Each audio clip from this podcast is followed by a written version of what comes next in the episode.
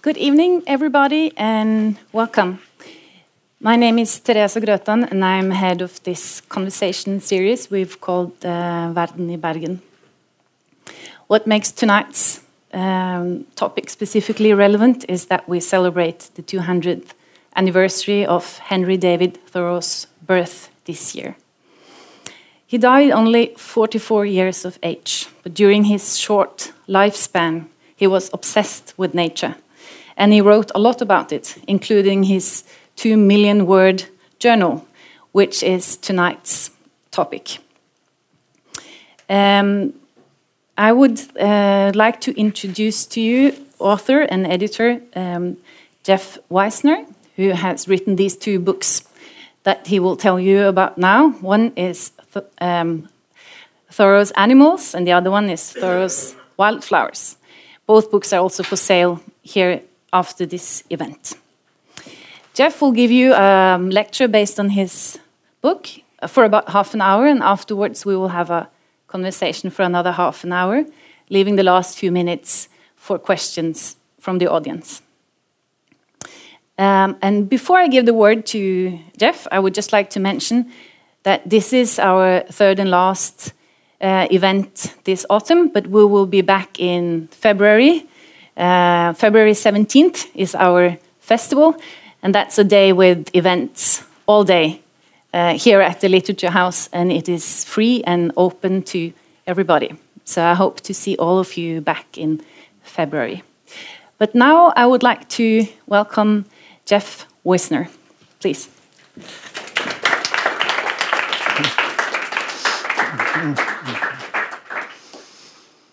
Well, thank you very much. Thank you, Teresa. I'm very, very honored to be here.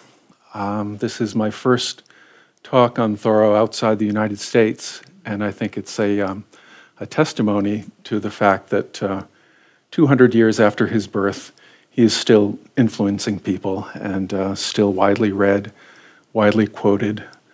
I would say that Thoreau is probably the most influential writer that the United States has ever produced. Um, well, we could have an argument about that, but um, in terms of his, his influence on people like Martin Luther King Jr., his political thought, his influence on Gandhi, uh, his contribution to um, the science of ecology and uh, awareness of nature, preservation of the world. Um, so I'm very pleased to be here to speak about him.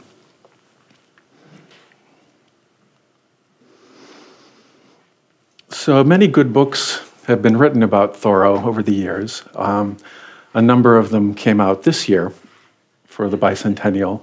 Um, one of the best for those who want to read more is uh, the new biography by Laura Dassow Walls, shown on the left, Henry David Thoreau, A Life. And I think she does an extraordinary job of interweaving Thoreau's political concerns and his concern for the natural world in a way that makes it seem as organic as I think it really was. And she also does a fine job of placing him in context because Thoreau in his day was at the center of uh, uh, one of the greatest concentrations of literary talent that I know of. Um, authors, other authors living in Concord during his life included uh, Ralph Waldo Emerson, um, Louisa May Alcott, uh, Nathaniel Hawthorne, uh, and, uh, and others who would occasionally visit, like Herman Melville, who lived a little farther west in Massachusetts. So Thoreau was born in this house, which still exists, uh, in Concord, about 27 kilometers from Boston. He suffered from lung ailments and uh, beginning in college and uh, for the rest of his life, and died, as Teresa mentioned, at uh, the age of only 44. Uh, he lived for a few months on Staten Island in New York City when he was trying to establish his literary career. He made journeys to Maine, uh, Cape Cod, to Montreal, and uh, toward the end of his life, uh, as far as Minnesota, but most of his life was spent in Concord. And most people who know anything about Thoreau know him as a lover of nature. They associate him with this, with this um, uh, body of water, Walden Pond, which is really more technically a lake. Uh, it's uh, when I first saw it as a child, I was disappointed because I I thought of ponds as marshy places where I could hunt frogs, and uh, this was not like that. This was this was a lake, in my opinion. It's actually the deepest lake in Massachusetts, uh, about 33 meters deep at the deepest point.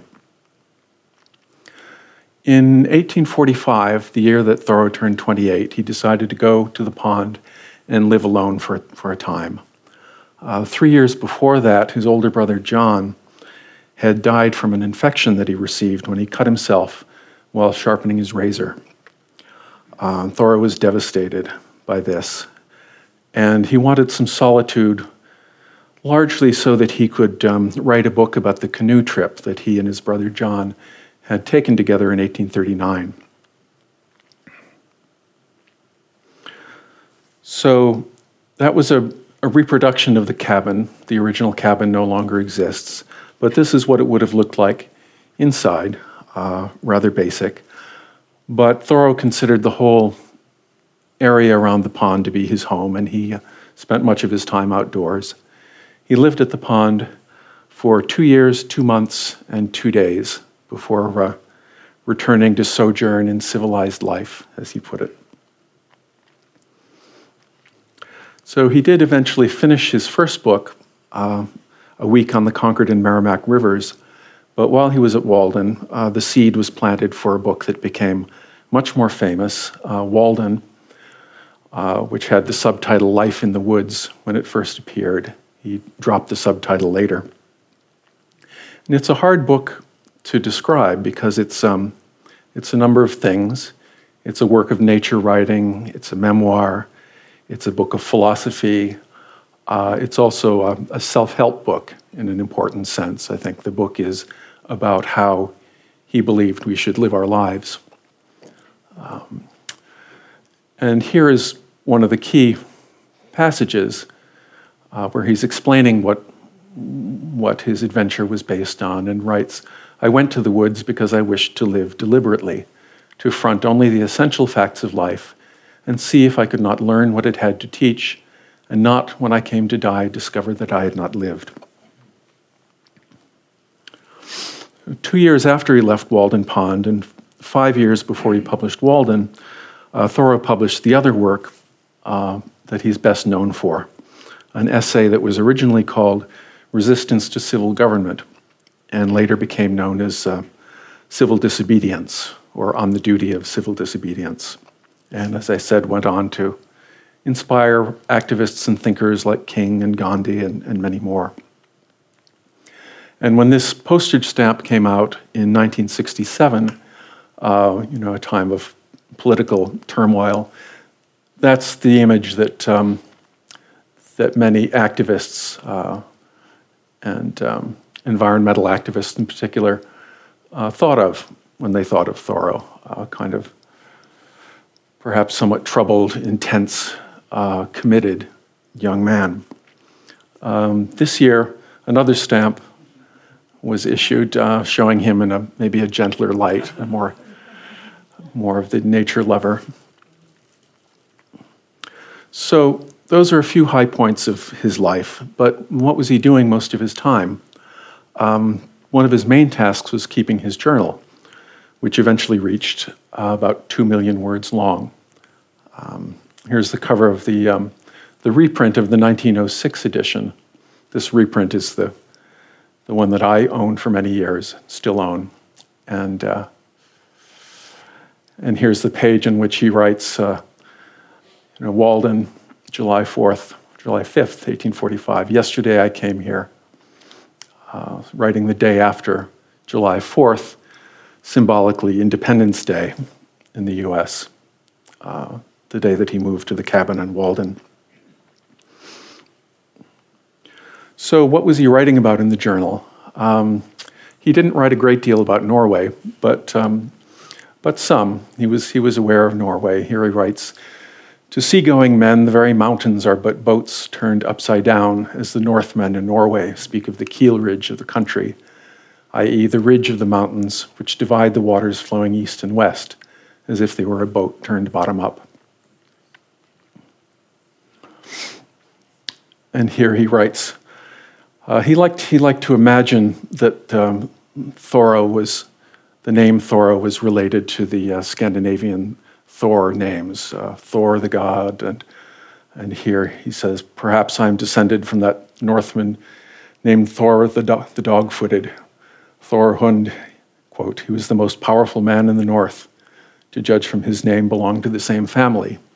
So he speculates, you know, semi seriously that before his was a French family, it might, might have been a, a Scandinavian family. Um, so Thoreau wrote that he had traveled much in Concord, and which is very true. He covered many, many miles on foot in Concord over the years. And some of the things that he saw reminded him of other parts of the world. Here he writes There are scores of pitch pines in my field, from one to three inches in diameter, girdled by the mice last winter. This is a drawing of a deer mouse from, uh, from Thoreau's animals. A Norwegian winter it was for them, for the snow lay long and deep, and they had to mix much pine meal with their usual diet. So that, that's his conception of Norway long winters, deep snow, fishing.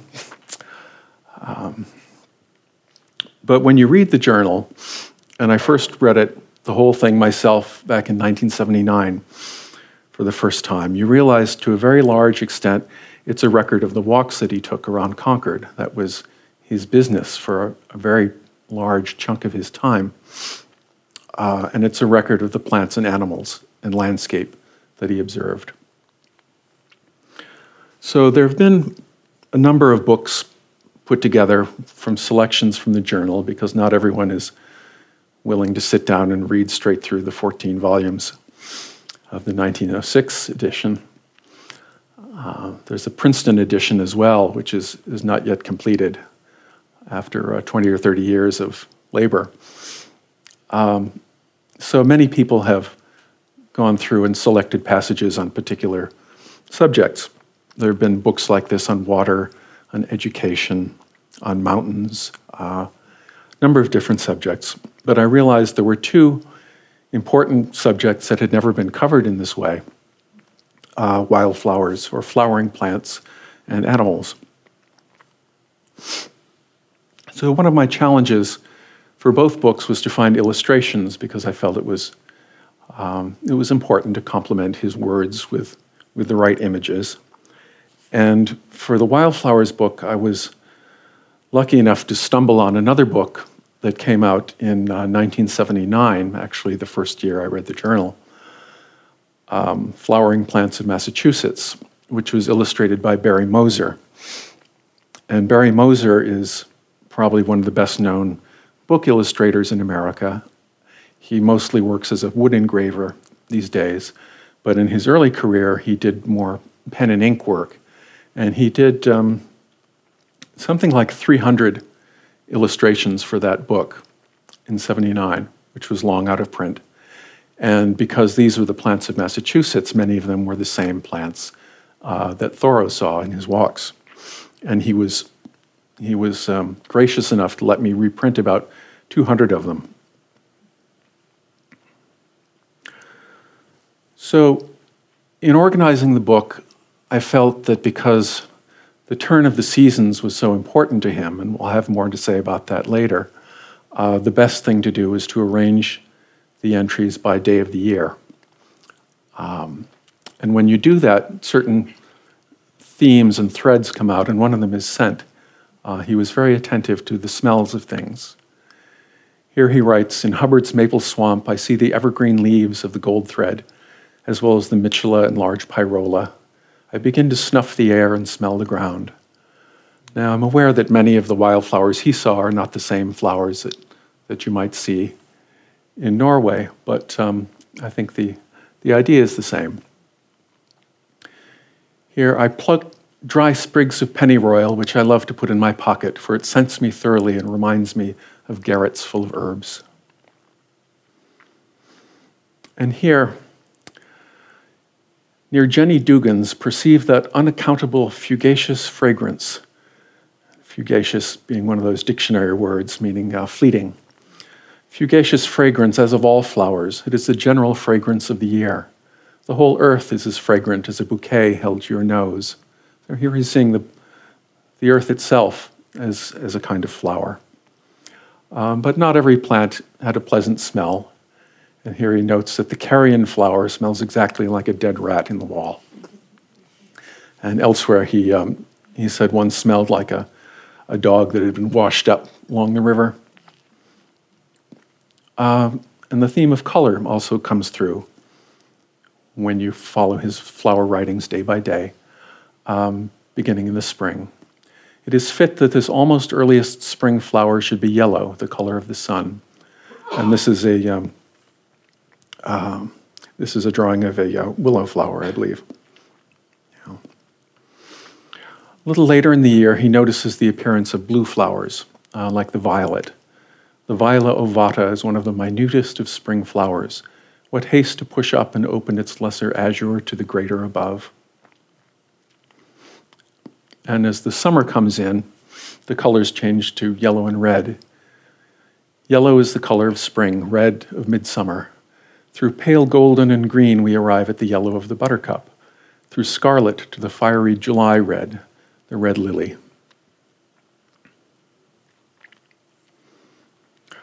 Now, later in the summer, many of the colors of plants have faded, and he starts to look for colors in uh, grasses and in turning leaves. And he seemed to see the color purple as a kind of ripened version of the blues and reds that came earlier in the year. He writes Two interesting tall purplish grasses appear to be the prevailing ones now. They also, by their rich purple reflections or tinges, seem to express the ripeness of the year. And again, fall foliage. Um, each year, he, he seemed to make a point of um, paying particular attention to some aspect of nature. Um, might be goldenrods one year. And in one year, uh, 1858, I believe, he was spending a great deal of time uh, observing and describing autumn foliage. The brilliant autumnal colors are red and yellow. Blue is reserved to be the color of the sky, but yellow and red are the colors of the earth flower. So again, he's expanding from what's in front of him into the metaphorical mean, meanings of colors. Uh, and tying together the different cycles of nature. So every fruit on ripening and just before its fall acquires a bright tint. So do the leaves. So the sky before the end of the day, and the year near its setting. And that brings us to the third, and I think most important theme that comes through his writings on wildflowers, and that's and animals as well, and that's uh, the theme of anticipation. And this was um, first really laid out in a book by Perry Miller, uh, a Harvard scholar, in uh, 1958. And the book was Consciousness in Concord. And most of it consisted of the text of a piece of the journal that had been lost before that and the rest is his commentary, which is very sharp. Some people feel too critical of poor Henry, but, uh, but very smart, I, I believe. He writes All the journal, earnestly before the completion of Walden, more stridently thereafter, is a stratagem to anticipate and so to survive the winter. At last, there is only one stronghold the mind can anticipate spring. And in April 1852, Thoreau wrote one of his clearest expressions of this idea, which I think is one of the most beautiful uh, passages in his work, um, which goes on for more than one slide. For the first time, I perceive this spring that the year is a circle. The cranberries washed up on the meadows and into the road on the causeways now yield a pleasant acid. Why should just these sights and sounds accompany our life? Why should I hear the chattering of blackbirds? Why smell the skunk each year? Can I not, by expectation, affect the revolutions of nature, make a day to bring forth something new?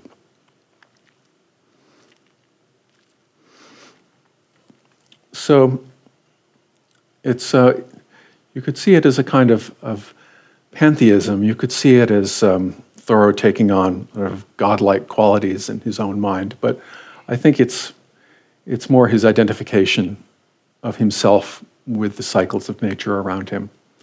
Um, so, another example the skunk cabbage, so called because it smells like a skunk, uh, is one of the earliest plants that appears in the spring. Uh, it is a flowering plant, although it doesn't look like a typical flower. Um, but it was important to him as being one of the first plants to, to um, rise up through this still partially frozen earth. He writes As the ice melts in the swamps, I see the horn shaped buds of the skunk cabbage, green with a bluish bloom, the most prepared for spring to look at of any plant.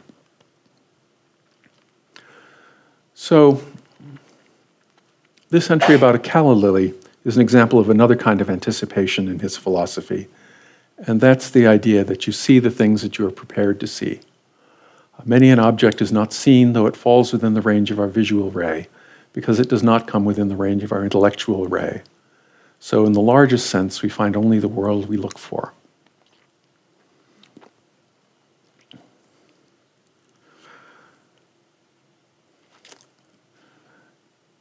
And here you see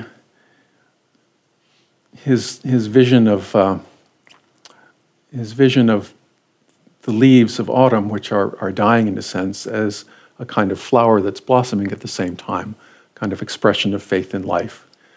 Some maples and sproutlands are of a delicate, pure, clear, unspotted red, inclining to crimson, surpassing most flowers. I would fain pluck the whole tree and carry it home for a nosegay. So, just very briefly, I want to talk about his significance as uh, an ecologist a few years before the term ecology was even coined, as well as uh, just a literary writer about plants and animals. So, ecology is defined as the science of the relationships between organisms and their environment. And uh, that's something he saw very clearly. He saw what was around him in terms of systems, not just individual organisms. Um, in the introduction to Faith in a Seed, which was a publication of, of works found after his death, Gary Paul Nabhan writes Thoreau was the first Anglo American field ecologist to be influenced by Darwin's theory of natural selection and adaptation. Uh, Thoreau didn't just learn from the fields, he knew all the, um, uh, the authorities who were available at his time, all the um, uh, botanical and zoological authorities, including uh, Linnaeus from a, a neighboring country. Uh, here, here he discovers a plant that he's read about in Linnaeus, discovered the Andromeda polifolia in the midst of the swamp at the north end, not long since out of bloom. I had long been interested in it by Linnaeus's account. And here's a photo of it. It's also known, known in the US as the bog rosemary. And um, it does grow in Norway, I was pleased to find. Uh, it's a beautiful flower with its small bell shaped blossoms. Thoreau knew Louis Agassiz, uh, was probably the greatest naturalist of his time and taught at Harvard at the time. But after collecting specimens for Agassiz, uh, which Thoreau was never comfortable about doing, uh, killing fish and turtles and so on, for Agassiz's study, um, he begins to realize that there are a lot of things about um, the local natural environment that Agassiz doesn't understand. And after a while, everything he says about Agassiz in the journal is, is pointing out one blunder or another, which gets to be amusing.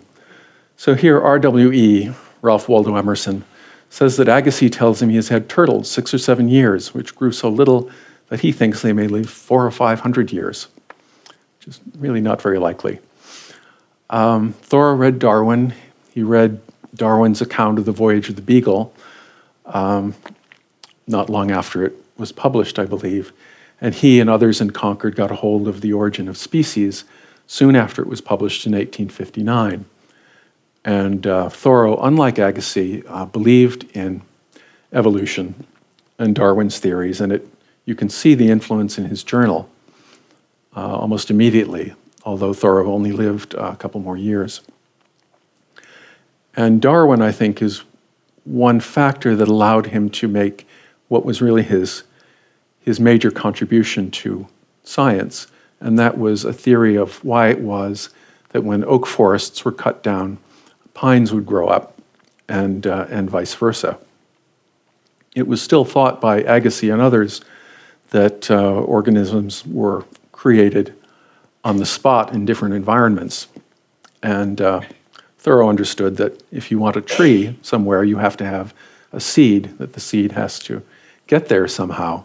And he describes the ways in which pine pollen and pine seeds are distributed by the wind, and uh, acorns and chestnuts and other heavier nuts distributed by squirrels and, um, uh, and other animals. Uh, I believe you have red squirrels in Norway. Uh, he mostly saw gray squirrels, but red squirrels as well. So, animals. With that, I'd like to turn to um, uh, my collection of his writings on, on Thoreau's animals. Um, this book came out early this year, which was just dumb luck on my part, just uh, fortunate timing. Uh, and once again, I was able to benefit from the work of an excellent illustrator. Uh, this is Debbie Cotter Kaspari, who is based in Oklahoma. I've never actually met her, uh, but she spent a good deal of time in Massachusetts and a good deal of time um, drawing and observing animals and birds in the wild. Um, and so her work has a kind of sketchbook quality that, that I like and feel is appropriate.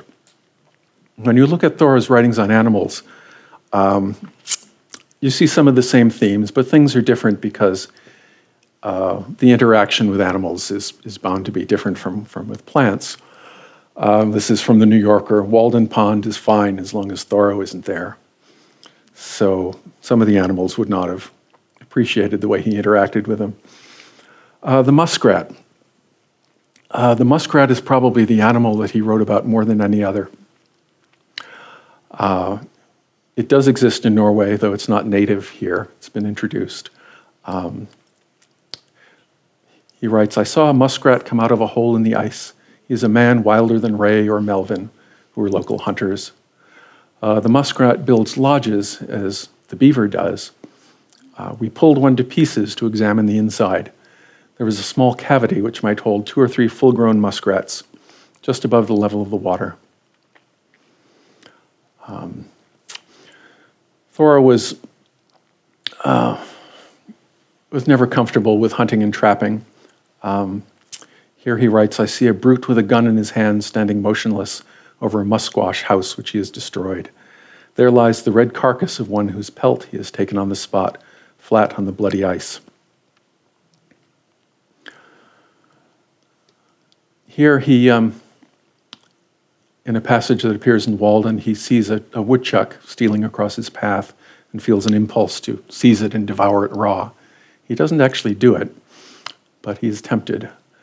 And on another occasion, he um, hears a snuffling from a burrow and uh, reaches down and yanks a woodchuck out of its hole and tosses it down the hill just uh, as an experiment, really, something he woodchuck would not have appreciated. A woodchuck is really, it's related to the squirrel. Um, uh, it's, it's almost like a cross between a squirrel and a little, a little bear. Um, but I think one of his favorite animals.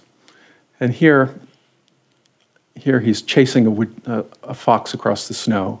I saw a fox some 60 rods off, making across the hills on my left. As the snow lay five inches deep, he made but slow progress, but it was no impediment to me. Uh, and it would go so far as, as kidnapping sometimes. Here, um, he finds a, a, flying squirrel in the hollow of a, an old log, uh, captures it, and brings it home for the night, where it spends the night um, trying to chew out of the barrel where he's kept it. And around the same time, he did the same thing with a small owl. Uh, he describes it as a screech owl, but someone I spoke to who knows owls believes that it was a saw-whet owl, which is a, a small owl and, um, and much gentler. She felt that a screech owl would have really uh, done considerable damage to him. So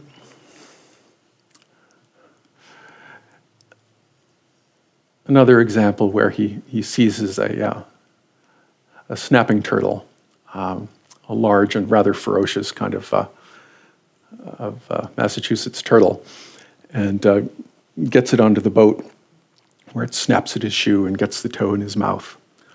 Um, so with Thoreau, always it's um, it's hard to know when to stop. It's uh, his his thought, his observation range out in so many different ways. So this is this is not quite the end of my PowerPoint, but I want to leave some time for discussion and uh, and questions. And so I'm thinking maybe I should leave it there, and we can have a conversation.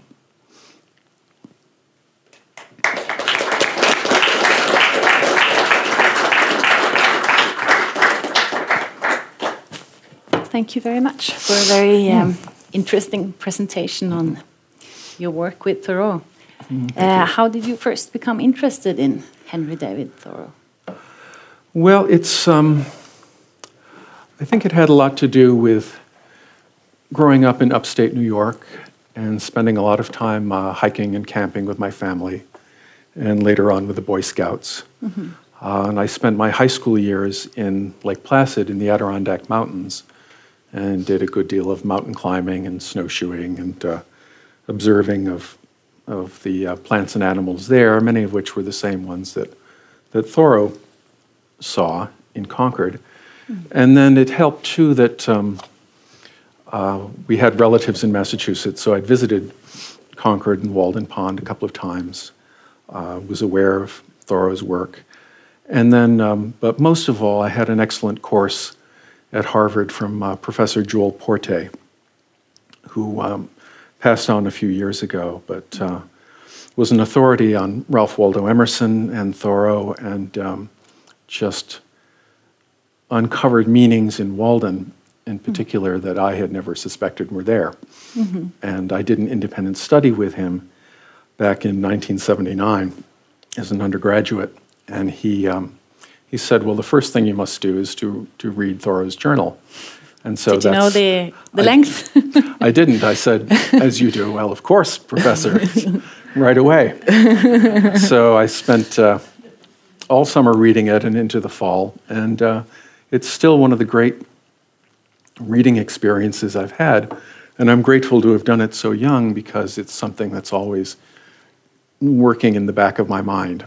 Um, you know, other people have created books out of it, and it's it's like uh, like sourdough in a way. It keeps generating more life and, and food.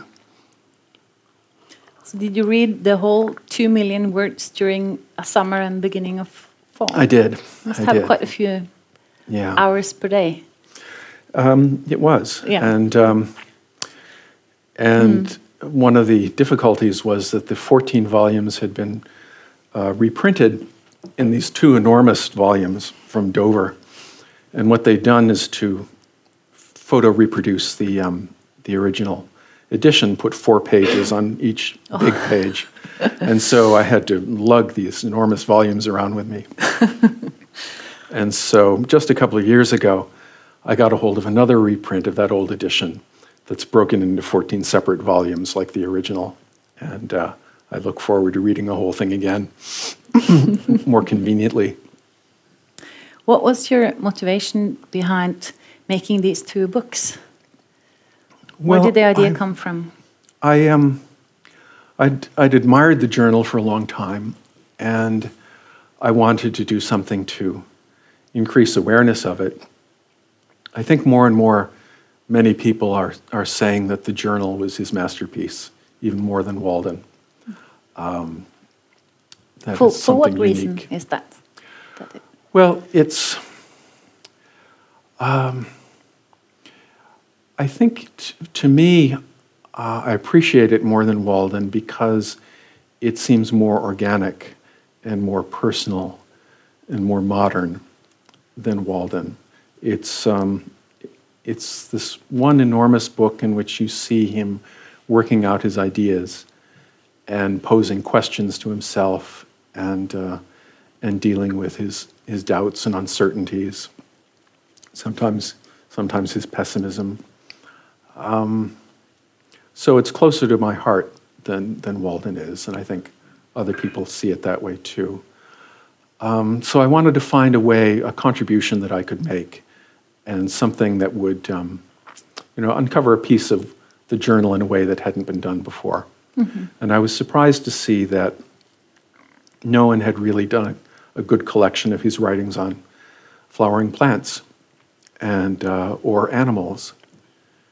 And in one biography that I read, uh, the biographer said in so many words, you could make a good book out of his writings on animals. and so I, I took that to heart. Mm. How many years have you spent working on these two books? Um, it's, I'd say 10 or so. It's a little hard to say because I had a couple of um, false starts or other things I tried. Um, I experimented with putting together a manuscript of his writings on landscape. And uh, after my mother told me, no, this doesn't work very well, um, which I appreciated, um, I set that aside. And then I discovered that someone else had done uh, a very good book called American Landscape that does just the same thing and uh, more successfully than I was doing it. And um, the first book that I worked on was the Animals collection, and uh, nearly found, I thought I had found a publisher for it, and then things went sideways. And uh, so I thought about a book on trees, which I think would still be worth doing. Uh, although there's another book on Thoreau and trees that came out this year from a friend of mine who takes a different approach. Um, but it occurred to me that wildflowers uh, were something that he paid a great deal of attention to and uh, had never really been covered. Hmm. And it proved to be a little difficult because I'm not a botanist and, uh, or a naturalist or even a gardener. And so I needed some expert help to figure out sometimes which plants Thoreau was talking about and make sure that the illustrations were of the same species and, and so on, and to point out when the names had changed, as they often did. But it was, um, it was a lot of fun. Mm. And one of the rewards has been meeting other Thoreau experts mm. and naturalists in the course of doing the books. Yeah. Uh, I don't think you actually mentioned how many years did Thoreau work on his or write his journal? Yeah. Well, Thoreau um, graduated from Harvard in 1837 and went back to Concord to live. And there he met Ralph Waldo Emerson, who is uh, considered the, the great leader of the, the transcendental movement, if it was a movement. And um, uh, they met, and Emerson asked him, So, what are you doing with yourself these days? Uh, do you keep a journal? And so the first thing Thoreau did was to write down that question and said, uh, So I begin today. and that was October 1837. And he continued until um, 1861 when he was finally too, uh, too ill to, to keep it up anymore. So and from he died was, the following year. Yeah, so from it was 20 then? Uh, yes. Yeah, okay. Now in 1850, when he, the year he turned 33, that's when he started to really take the journal seriously as a work in itself. Because before then, he was using it as a, um, a sort of minor workshop for his other works. And he would sometimes even um, cut up the pages and uh, rearrange them and rewrite them. Uh, he wasn't seeing the journal as something that was worth keeping intact on its own until 1850. Mm. And there was just a, an excellent exhibit of Thoreau's uh, journal and other belongings at the Morgan Library in New York City. And it was also shown at um, the public library um, in Concord. And there you can see some of the pages where he um, took a knife apparently and just just um, carved out pages, hmm. which is painful to see. Where, where, this, where did his obsession with nature come from? How did it evolve? Hmm. Well, it's a little hard to say because the influences on him were not so different from those on anybody else um, living in Concord at the time. Um, it was um, it was a small town. It was a farming town, but it it had and it still has a, an amazing variety of of different kinds of landscape. It's got a huge meadow, great meadows, uh, several interesting swamps, and he was always uh, excited about swamps, mm. uh, as well as um, as well as fields and forests, all with their different uh, different kinds of life. And so, um, you know, he was growing up among animals. Um, there doesn't seem to have been any kind of older person who turned him onto that. Mm. Um, while he was at Harvard, he did study with some of the um, professors who uh, of botany and uh, other natural sciences. But it's it's hard to say why it seized him more than um, more than many others. Hmm. Talking about Concord, Concord, what kind of landscape is it? From reading Thoreau, it sounds like a botanical paradise. yeah, it's um, it's probably one of the most studied uh, communities from the point of view of botany, simply because Thoreau began keeping these very careful records, and others followed in his footsteps mm. uh, to keep the record going. But it does have this great variety. It's, uh, it's sort of a gentle landscape. It's got rolling hills. It, um, uh, glaciers passed over it at one time. And Walden Pond itself is a, um, a kettle pond, which is a type of pond that's left when a block of ice is embedded in the earth and then slowly melts. Um, it has some unusual features. There's a swamp called Gowing Swamp that's really a peat bog, and uh, it's it's uh, an environment that's more typical of of um, ponds much farther north, in mm. Labrador and places like that. And so he saw species of plants in Concord that you wouldn't normally expect to see. Mm-hmm. Mm. But one of the pleasures of um, belonging to the Thoreau Society and going to Concord every summer for the meetings is that um, so much of the town is unchanged. And in the ways that it has changed, it's, it's become actually more, more wooded and more forested than it was in Thoreau's day. Because in his day, much of it was um, uh, was being farmed. Hmm.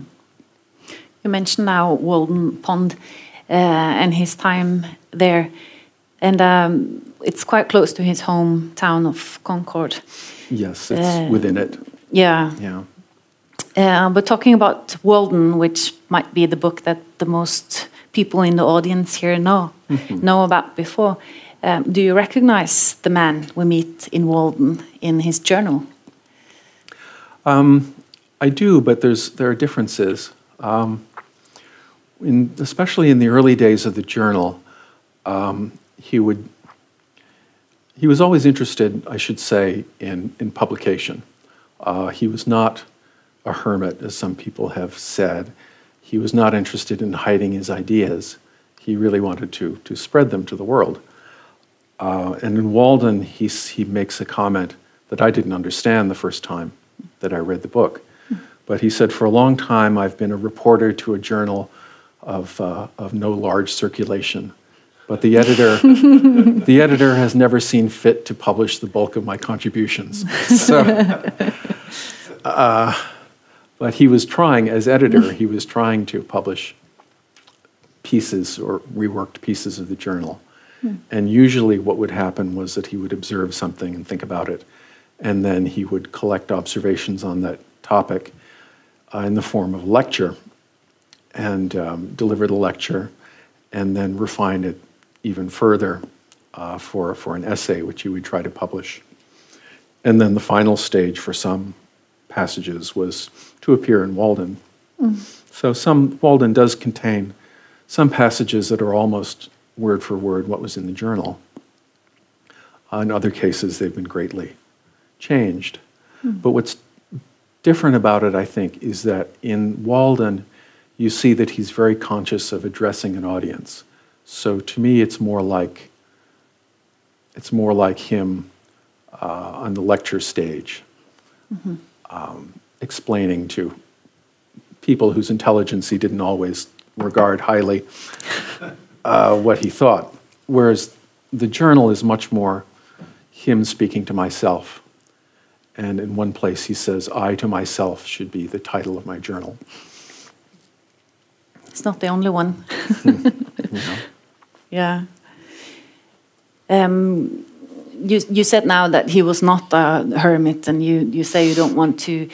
Uh, the stereotypes about uh, Thoreau is not really correct, but to some extent he was an oddball. Of Yes. Your wording. Yes, I, I have to admit that. Yeah. His life was the way he chose, for example, that he writes in Walden that he doesn't want to waste more time than necessary on on labor, and he finds no reason to drink and having enjoying a nice meal, or why on earth uh, waste money on coffee, for example. Yes. Yes. So, what was his main? What did he think you should spend your time on? Yeah. Well, he, yeah, he was a man of, of many contradictions, which is, is partly why there are these different cliches and conceptions about him. Uh, and they all have a grain of truth. Uh, he, did, he said at one time, uh, I never met the companion that was so companionable as solitude.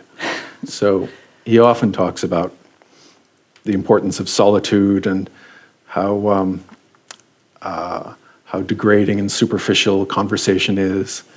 And uh, he has one place where he talks about uh, being taken to a party, and it's a little hard to imagine Thoreau at a party. And he says, I, I can't quote exactly, but he says, Some of my friends make singular mistakes. They feel they should speak to a young woman for half an hour at a time simply because she has regular features. And he says, I think they organize these parties, you know, so that young peop- young men and women can meet each other. He says dismissively. and um, he never married. Uh, he never had sex, as far as anyone can tell.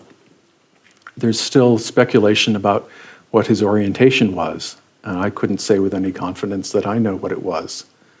Uh, Walter Harding makes a strong case that he was basically um, a closeted gay man, and you could argue that. But um, he did he did propose to a young woman named Ellen Sewell early in his life. Um, she turned him down. There are some other passages about uh, women that are quite quite warm, and he often speaks of nature in very kind of warm, personal, almost erotic ways. Uh, I know I'm off on a tangent here, but, but where we would get uh, Thoreau is an oddball. Yeah. yes, um, and uh, So, and yeah, there's there's the conception too that he was uh, lazy, since so much of Walden is about um, uh, minimizing the amount of work you have to do for other people in order to do what's important. But at the same time, we have to remember he worked as a school teacher. He worked in his family's pencil factory. He came up with improvements to the way they made pencils. At one time, they were the, the highest quality pencils being made in America. Um, he worked as a surveyor, and he was very highly sought after because he was, one, because he was honest, and two, because he was extraordinarily accurate. And there's a, a whole book that's been written about his work as a surveyor that, that makes that point. So he was, uh, he was not lazy. And when he was not working for other people, he was working hard on his literary career. Yeah, he was wandering and reading and writing. Mm -hmm. Yeah. He calls himself a mystic, a transcendentalist, and a natural philosopher. And you just briefly touched on transcendentalism, but what is Yeah. it really? Tell us. Yeah, it's. Um, I wish I could in a simple way, but it's uh, notoriously hard to define. But it was um, it was a quasi religion. Um, some people in Concord considered it as another religion, along with the, the Baptists and the Catholics. Um, it was certainly a philosophy and a view of nature, and um, it it concerned uh, the idea that we should have a personal relationship with spirituality and with nature. Um, Thoreau doesn't say all that much about what he believed transcendentalism was. Uh, the person who probably said the, the most and the most clearly about it was Ralph Waldo Emerson. And um, one of the key essays about that is the one called The Oversoul, where he um, basically describes uh, the spiritual world as being like an ocean. Um, the tide comes in, it goes out again, and the tidal pools that are left behind are each of us as individuals. And then when the tide comes in again, we rejoin the oversoul. But it, transcendentalism was a kind of pantheism in a way. It saw spirituality in all of nature, hmm. as well as in man. And mystic. In what way was he a mystic? Hmm. Or did he just call himself that? Well, he, I think mystic and transcendentalist are uh, rather similar. I hmm. think that someone who sees um, mm, spiritual meaning in a, a, shrub oak or a sunset or a bluebird is a kind of mystic. Um, he, he was devoted to uh, Eastern mysticism. He read the Bhagavad Gita, he read other Eastern texts. Um, I am not that tuned into how that affected his own work. I'm inclined to think that uh, the Bible affected his work more than he admits, and maybe the Eastern texts less, but there are others who've spent more time looking at that. That could be a, a, a bridge to a slide that you actually didn't get to show here. mm. um, one of the last ones uh, it's a quote by Thoreau saying, What is the use of a house if you haven't got the tolerable planet to put it on? Yes. And you say it summarizes he was not a hermit, as many believe, um, that he was part of an ecosystem. But if we jump to our time, a couple of hundred years, what can this quote tell us today? Well, it's, it's sort of striking that. Um, Thoreau, even though he was someone who spent the bulk of his life in a small town, also had a conception of himself as being part of a planet. And he used the word planet, I think, more than most 19th century writers do. He talks about going out at night, stalking over the surface of the planet, and starting up a, a plover bird, which burst up from the, the shrubbery. So he um, he had a sense early on that um, man had to protect the planet. Uh, he says in one place, you know, thank God man cannot yet fly and lay waste the heavens as well as the earth. uh, and that, uh, and his famous quote, in wildness is the preservation of the world. Mm-hmm. He advocated um, that each town should set aside a section of, um, of the natural environment that would remain untouched as a kind of common property, like other like libraries and other common mm-hmm. properties that belong to communities. And I think all that's been influential. Yeah, and he also his meticulous rec record of the first blossoming has also been quite useful to yeah. later research and and to show our changing planet, our changing mm. uh, climate. Can you tell us about what has been yes, done? it's um, because he was so careful about his observations. Uh, it's possible to go through the journal and compare the first blossoming times of different plants uh, to the blossoming times today, as well as to compare the plants that he was able to find with the ones that you can find in Concord today. And um, there's a, uh, an author, Richard Primack, professor at Boston University, who's made a study of this. Mm-hmm. And he found that uh, many plants today uh, blossom a week or even two or three weeks earlier than they did in Thoreau's day, which um, uh, he attributes to climate change. Mm. now, Primack also argued that climate change had um, caused really most of the plants that Thoreau saw to disappear entirely from Concord. And that's been a more controversial claim because there are so many other factors. Hmm. Um, certain plants don't grow there anymore because there's less open land, there's more forested land. And certain, don't, certain plants don't grow there because of, um, of development of certain specialized habitats.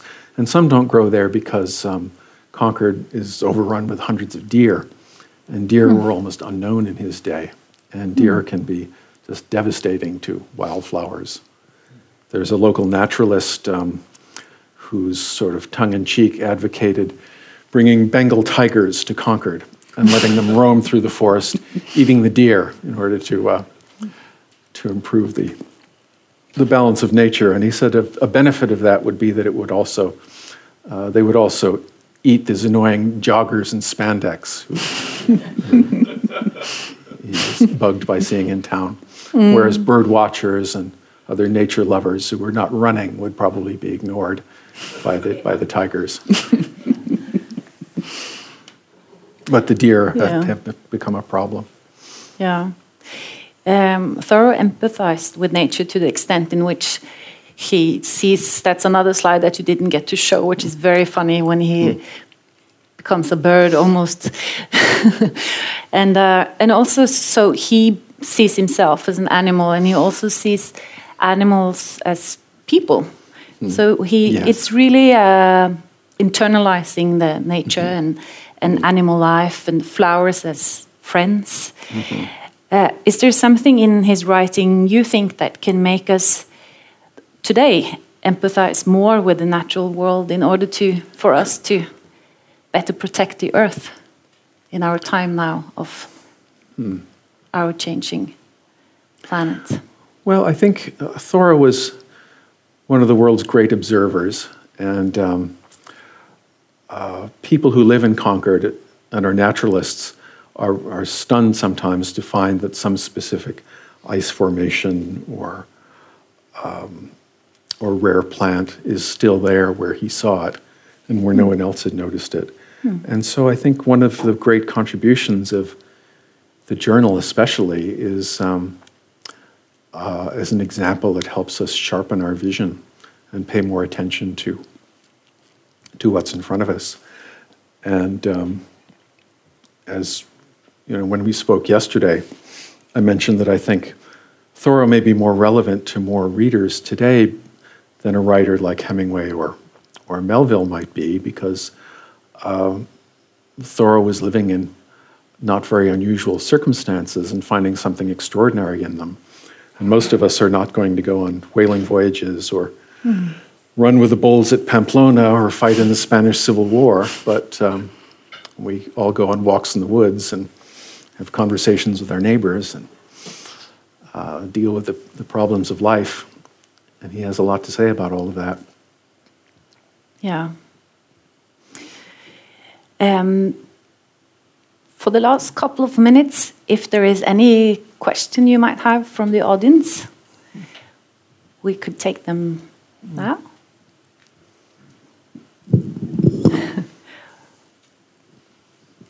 Or maybe not.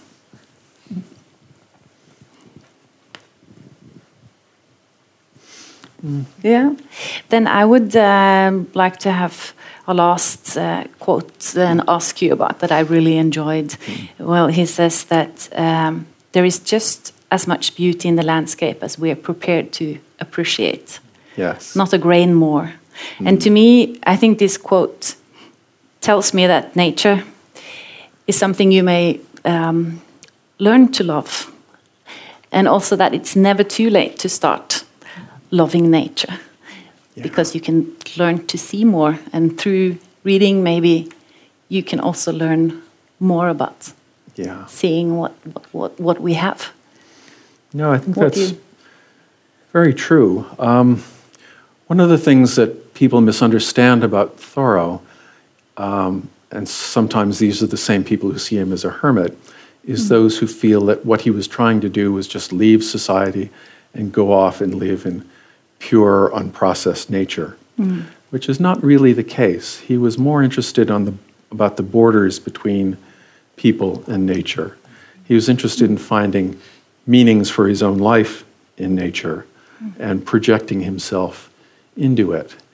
And so, for instance, he was very interested in, uh, in wild apples.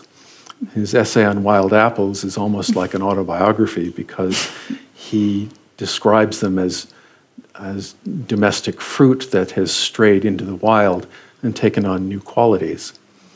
Um, that uh, the wild apples are, have a harsher taste that um, we only enjoy when we're out in the, the cold breezes. Mm. Uh, the apples are no longer domestic. And, and so, you know, when he says in wildness is the preservation of the world, that's just part of what he means. He's, um, he's always looking at how people and nature interact. Mm. Yes. Um, yeah. Well, I would like to say a big thank you to Jeff Wisner for being with us tonight, and also thank you to you for coming here. And I hope to see you all back in February. Thank you all very much.